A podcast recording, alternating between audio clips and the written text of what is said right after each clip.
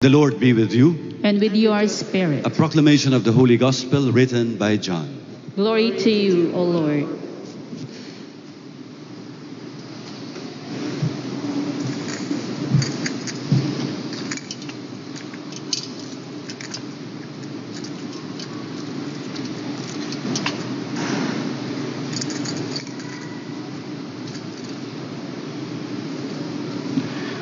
On the first day of the week, Mary of Magdala came to the tomb early in the morning, while it was still dark, and saw the stone removed from the tomb.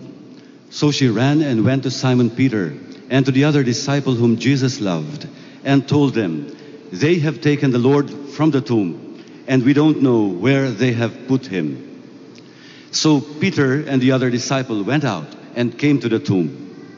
They both ran, but the other disciple ran faster than Peter and arrived at the tomb first. He bent down and saw the burial clothes there, but did not go in. When Simon Peter arrived after him, he went into the tomb and saw the burial clothes there, and the cloth that had covered his head. Not with the burial clothes, but rolled up in a separate place. Then the other disciple also went in, the one who had arrived at the tomb first, and he saw and believed. For they did not yet understand the scripture that he had to rise from the dead. The Gospel of the Lord. Praise to you, Lord Jesus Christ. Please be seated. Salamat Paska. Happy Easter. Last night, the Christian community here and of course around the world gathered around the vigil of the resurrection of the Lord. And today, we are here on this Easter morning. In the Easter proclamation last night, the word night was mentioned nine times to refer to the many moments of salvation that God has accomplished for us. The deliverance of the people from slavery in Egypt, the crossing of the Red Sea, the passing through the desert where God guided them with a cloud by day and a pillar of fire at night. All these were interpreted by the Easter, by the early Christian communities as the symbol of the resurrection. And so today we proclaim, like the one in the responsorial psalm, this is the day the Lord has made. Let us rejoice and be glad.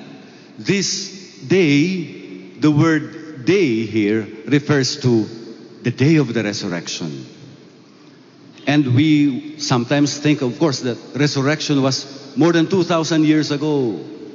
But the resurrection happens even as we gather together again and reenact that moment of the resurrection of the Lord. So truly we can say, today, this day, this is the day the Lord has made. Let us rejoice and be glad. In many ways, this is our birthday because this is the birthday of the church, a people redeemed by God. Just this morning, Father Adrian and myself were recalling, I recall that when we were, when I was a seminarian, we were requested by the Christian community to also have the rites from Holy Thursday up to Easter in their little chapel. But it's not allowed. It's only performed in the parish church. So our priest, formator, asked the permission of the bishop, and he was allowed. And so us, young seminarians, were already helping in the liturgy of the Paschal mystery, including the seven last words. So imagine me at 18 years old, joining and preaching the seven last words to the Christian community, more than three times older than I was. Later on, just before priesthood, I learned that that little chapel became a quasi parish. And after I was ordained priest, we learned that the quasi parish has become a parish of its own. So here I saw how a little community, a little chapel grew up. And it's because of their intense devotion to these celebrations that we have surrounding Easter. The little chapel has become just like this a parish church. Truly, we can say we are an Easter people because we build our lives around the celebration of the redemption wrought by Christ. So it is not coincidental that every Sunday, why do we go to church every Sunday? We celebrate the Eucharist every Sunday. But that every Sunday is actually this day. This is the Sunday of Sundays. All Christians are obliged to attend Holy Mass at least during the Easter season. Why? Because everything surrounds, is surrounded by the Easter mystery, and our Sunday Masses are actually just proclamations again of the resurrection of the Lord. My dear friends, as we gather in joy this blessed Easter morning, when you go back to your homes and your families, share the blessings that the risen Christ gives to each one of us, the actual graces He pours on our souls today. That is, to receive the Lord once again in the Eucharist and to resurrect, that our souls resurrect with the risen Christ. May everyone have a blessed, meaningful, joyful, and jubilant Easter. Tuhan bersamamu. Dan bersama rohmu, Nyanyi suci menurut Lukas. dimuliakanlah Tuhan.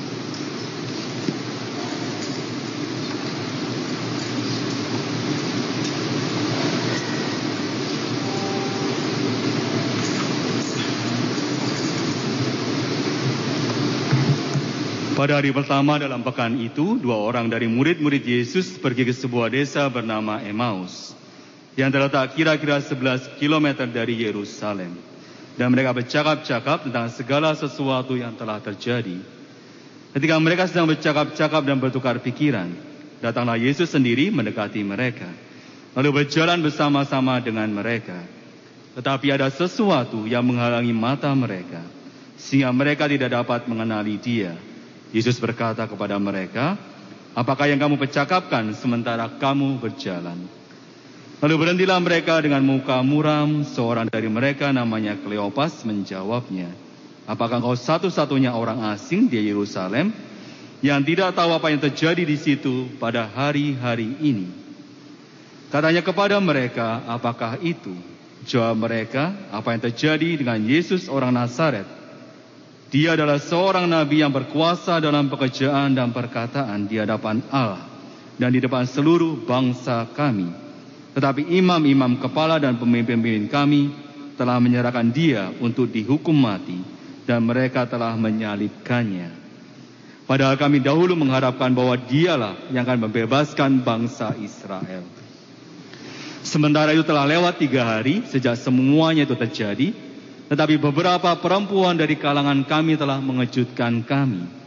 Pagi-pagi buta mereka telah pergi ke kubur dan tidak menemukan jenazahnya. Lalu mereka dengan datang dengan berita bahwa telah kelihatan kepada mereka malaikat-malaikat yang mengatakan bahwa Yesus hidup. Beberapa teman kami pun telah pergi ke kubur itu dan mendapati sama seperti yang dikatakan perempuan-perempuan itu. Tetapi Yesus sendiri tidak mereka lihat. Lalu Yesus berkata kepada mereka, Hai kamu orang bodoh, betapa lambannya hatimu untuk mempercayai segala sesuatu yang telah dikatakan para nabi. Bukankah Mesias harus menderita semuanya itu untuk masuk ke dalam kemuliaannya? Lalu ia menjelaskan kepada mereka apa yang tertulis tentang dia dalam seluruh kitab suci, mulai dari kitab-kitab Musa dan segala kitab nabi-nabi. Mereka mendekati desa yang mereka tuju, lalu ia berbuat seolah-olah hendak meneruskan perjalanannya. Tapi mereka sangat mendesaknya. Tinggallah bersama kami, sebab hari telah menjelang malam dan matahari hampir terbenam.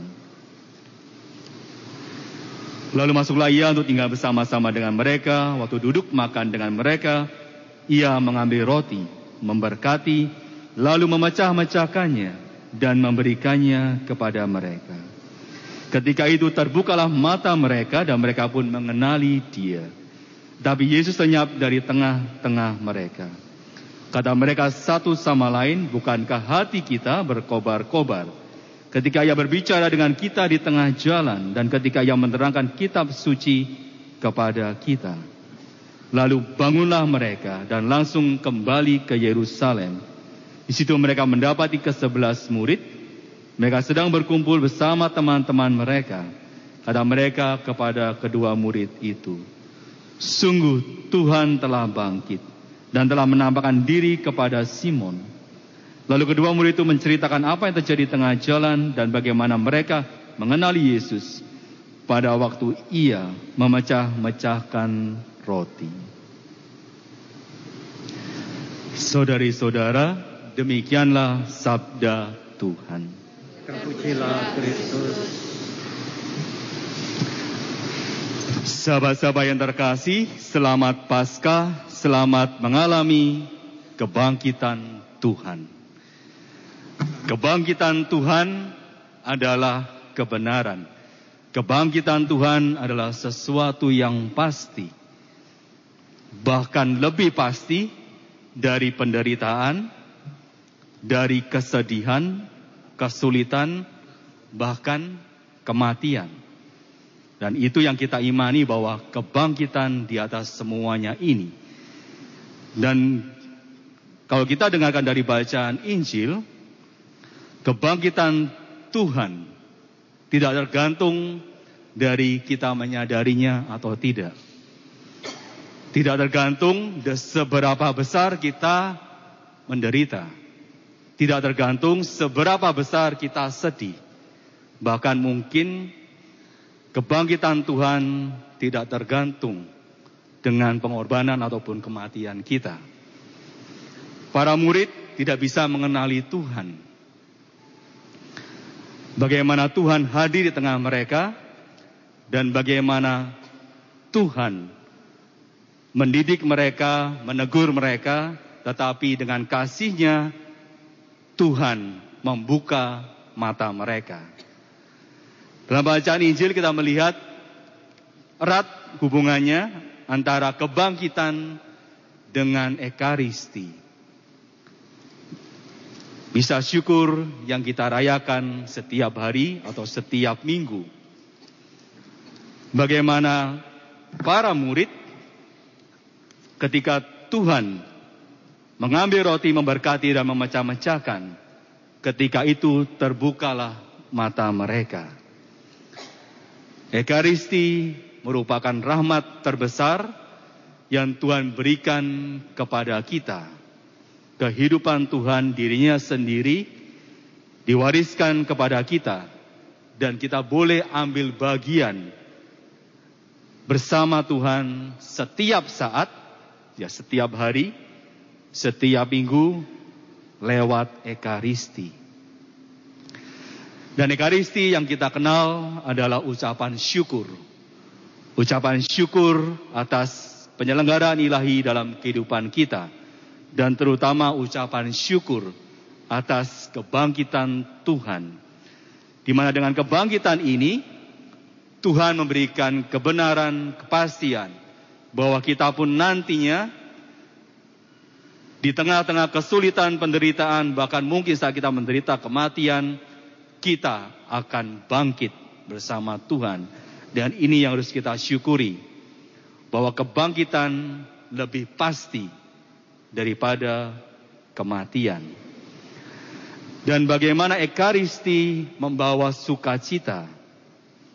Para murid menyadari bahwa saat Tuhan Yesus menjelaskan kitab suci, berdiskusi dengan mereka, hati mereka berkobar-kobar. Meskipun mereka baru menyadari setelah merayak menerima tubuh Tuhan lewat Ekaristi.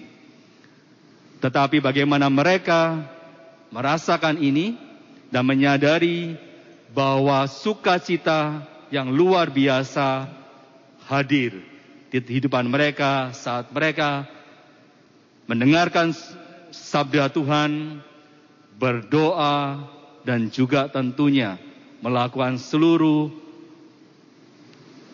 kegiatan rohani yang semuanya ditujukan kepada Tuhan. Dan terlebih lagi, saat mereka merasa bersyukur, saat mereka merasakan sukacita yang luar biasa, luar biasa, mereka tidak tinggal diam, menyimpannya sendiri, tetapi mereka membagikannya kepada orang-orang terdekat mereka. Ekaristi berusaha selalu untuk masuk dalam persekutuan, masuk dalam komunitas. Ekaristi tidak pernah dirayakan sendiri-sendiri, tetapi bagaimana mengajak banyak orang untuk merasakan kebaikan Tuhan. Para murid setelah menerima sentuhan Tuhan, mereka bangun langsung kembali ke Yerusalem. Mereka ingin membagikan pengalaman mereka, membagikan rasa syukur, sukacita yang mereka terima dari Tuhan sendiri. Sahabat-sahabat yang terkasih, hari ini kita merayakan Paskah kebangkitan Tuhan. Dan semoga kita benar-benar mengalami sama seperti para murid yang di, ditegur ataupun juga disapa oleh Tuhan. Dan supaya kita semakin men, mendalami atau menghidupi Ekaristi, Ekaristi yang bisa kita rayakan setiap hari, setiap minggu. Dan semoga rahmat Ekaristi membawa kita kepada kehidupan yang penuh syukur, kehidupan yang penuh sukacita, dan terlebih lagi bagaimana syukur sukacita ini kita bagikan kepada orang-orang yang terdekat kita, kepada keluarga kita, komunitas kita, gereja kita, dan tentunya masyarakat luas. The Lord be with you. And with your spirit, A reading from the Holy Gospel according to John. glory to you, O Lord.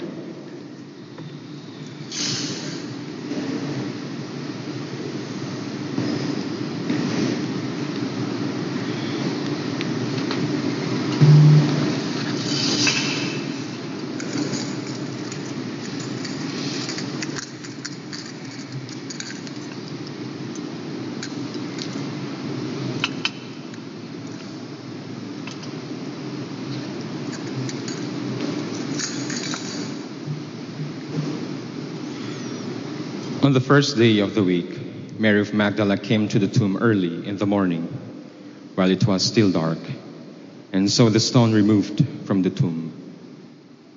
So she ran and went to Simon Peter and to the other disciple whom Jesus loved, and told them, They have taken the Lord from the tomb, and we don't know where they put him.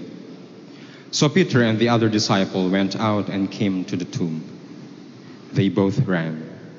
But the other disciple ran faster than Peter and arrived at the tomb first. He bent down and saw the burial clothes there, but did not go in. When Simon Peter arrived after him, he went into the tomb and saw the burial clothes there, and the cloth that had covered his head, not with the burial clothes, but rolled up in a separate place. Then the other disciple also went in, the one who had arrived at the tomb first, and he saw and believed. For they did not yet understand the scripture that he had to rise from the dead. The Gospel of the Lord. Praise to you, Lord Jesus Christ. Please be seated. Happy Easter, my dear brothers and sisters. Praise the Lord. Today is Easter Sunday. Today, love wins. Not in a way that the sacral word understands the phrase. Because true love does not bring death, but life. If you love someone, you do not wish someone whom you love to die, but to live forever. That's why the oath in the sacrament of matrimony, till death do us apart. But love, Christian love, does not end here. It continues until heaven. It transforms us. So that's precisely what God, Christ, has done to us. Has brought us eternal life. Because He loves us. He doesn't want us to die. That is why Easter Sunday has the highest significance in our Catholic liturgy. Sometimes we even think that it is Christmas. It's quite understandable. Why? Because Christmas is a joyous occasion. What we celebrate in Christmas is the birth of a baby, right? Everyone loves babies. Everyone is attracted to babies because a baby is such a magnet. Like, for example, in the living room, when the whole members of the family would gather, and then you just place a baby at the, mid, at the middle, at the center of the gathering, everyone would react happily, excitedly. Oh, so cute. Everyone is attracted to a baby. So we sometimes think that Christmas is the most important celebration in our Christian liturgy. But actually, it's not. It's Easter. The reason for Christmas is Easter. The reason of incarnation is redemption. Christmas is just the start. The end is what's most important. So, once again, the church places Easter as the highest celebration in our liturgy. That's why Easter season is the longest celebration in our liturgy because the church invites us to really understand, to reflect on, to deepen our understanding of Christ, of God's salvific plan for us. But before we truly understand the importance or the significance of Easter, we have to understand what happened to us at the beginning of time. God created the universe. He created everything that existed. He also created man. God created man for himself. That is why we are special. That is why, if you recall the book of Genesis, how did God create the universe? Let there be, let there be, let there be. And after He has created all these things, what would God say? It is good. Now, what about you and me? Oh, it's different. He didn't say, like a magician, let there be, let there be, let there be. No. He took the effort. He bowed down. He took the clay. He formed the clay uniquely, individually, each one of us. That's why there is only one Romo Rambang in the world. You can find any, even in the multiverse. There's only one Romo Rambang because each of us has been created uniquely. And more than that, God breathed forth the spirit of life, His spirit, Ruah. So we are important. We are loved. We are special. And what did God- say after He created each one of us? He didn't say it is good. He said it is very good. So you better check your Bible. So we are very good. We are not just good, very good. So, of all creatures, we are important in the eyes of God. We are unique in the eyes of God. And we are worth saving for. We are worth fighting for. We are worth dying for. Even after we failed, even after we committed terrible sin, disobedience, imagine God has poured out His love for us, created everything so that we may enjoy everything, and our first parents committed a terrible mistake. They rejected the love of God. So, what happened to our first parents? They went into hiding. So, from that time on, that would be our attitude as human beings. If we commit mistakes, what we do? We go into hiding. Why? Because we are afraid of seeing the face of God. Because once we see the face of God, what will happen to us? We die. That's the mentality of the Israelites. Once the, they see the face of God, what will happen to them? They will die. They don't dare to face God, even Moses. Moses would even turn his back. Otherwise, he would die. When we, as humans, would always go into hiding, our God is different. Our God is different. Our God is a seeking God. He seeks us until He finds us. How? He became one of us, human, but a baby. And He took up all of our conditions except sin. But the effects of sin, He would experience all of these suffering and death. Suffering and death. That's the first step.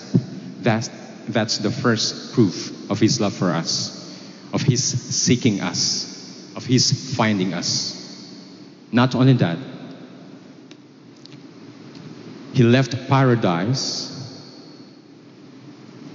to seek us from womb to tomb. That's how extreme, that's how serious God's love is. He seeks us until the tomb. He seeks us until He finds us. And He died for us as a proof of how serious His love for us is. All of us is scared of sufferings. All of us is scared of death. But precisely, God took up sufferings and death so that we won't be scared anymore of suffering and death. Because in Him, there is hope. In Him, there is life. In the moments of suffering and death, we have to face them with Christ and we can rise triumphantly. Now, as humans, we sometimes ask this question Is the resurrection of Christ true? Or is just a work of fiction by the evangelists? The answer is it is true. It truly happened. Let me give you the proofs. First proof empty tomb. We just heard this in the Bible, in the Gospel. The disciples of Christ found that the tomb was empty.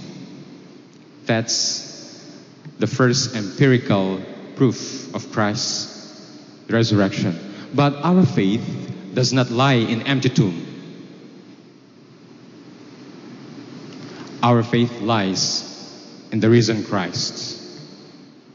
Our faith lies in the faith of the apostles. They are the witnesses of Christ's resurrection. And the first witness of resurrection not man, but woman. Who is the first witness of the resurrection of Christ? Mary Magdalene.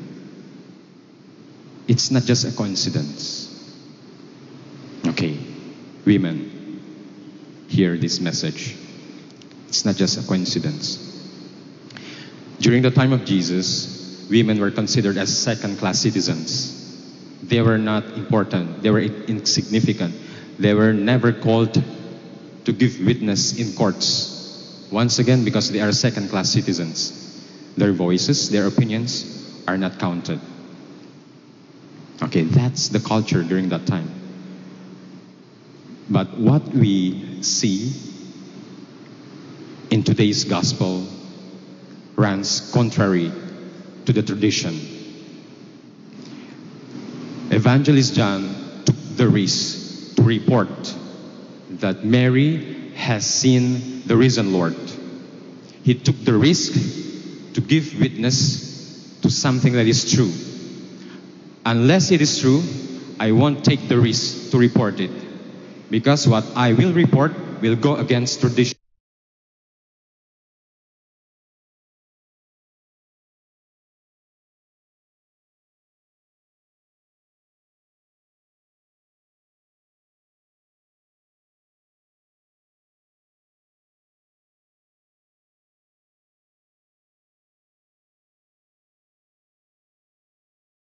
Here, that Christ would appear to many people, to his apostles, hundreds, thousands. And we look deeper into the lives of the apostles. One example, Saint Paul. So we know of the story of Saul before he became Paul. He was a persecutor of the followers of Christ. He was not a stupid guy. He is a smart guy. He was trained very well. He was a Pharisee. He was trained under Gamaliel, high priest. So he knew his faith. He knew the Torah. He knew about the Messiah. But something happened to him. Saul, who was so excited, so eager to persecute the followers of Christ, now he encountered the risen Christ. Saul, why do you persecute me? And before, Saul was so eager to persecute Christ, now he was so eager to spread the news. He was so eager to evangelize. He was so eager to proclaim the risen Christ. Unless it is true, I won't take the risk. And what happened to Paul? He died a martyr's death. And most of the disciples, most of the apostles, they died martyr's death. Unless it is true, I won't take the risk of even offering up my life. So now, our faith does not lie in an empty tomb. Let not our hearts be empty tombs. Let not our houses, our homes be empty tombs. Because Christ has left the tomb empty to enter into our lives, to enter into our hearts. Do not turn your hearts into empty tombs by rejecting the risen Christ. Welcome Christ into your hearts. Resurrect with Him, rise with Him in all aspects of your lives, in your work, in your spiritual journey, in your relationship. Rise with God, rise with Christ. Do not be afraid because He is true, he is alive. Journey with Him, win with Him, and triumphant with Him. We are loved.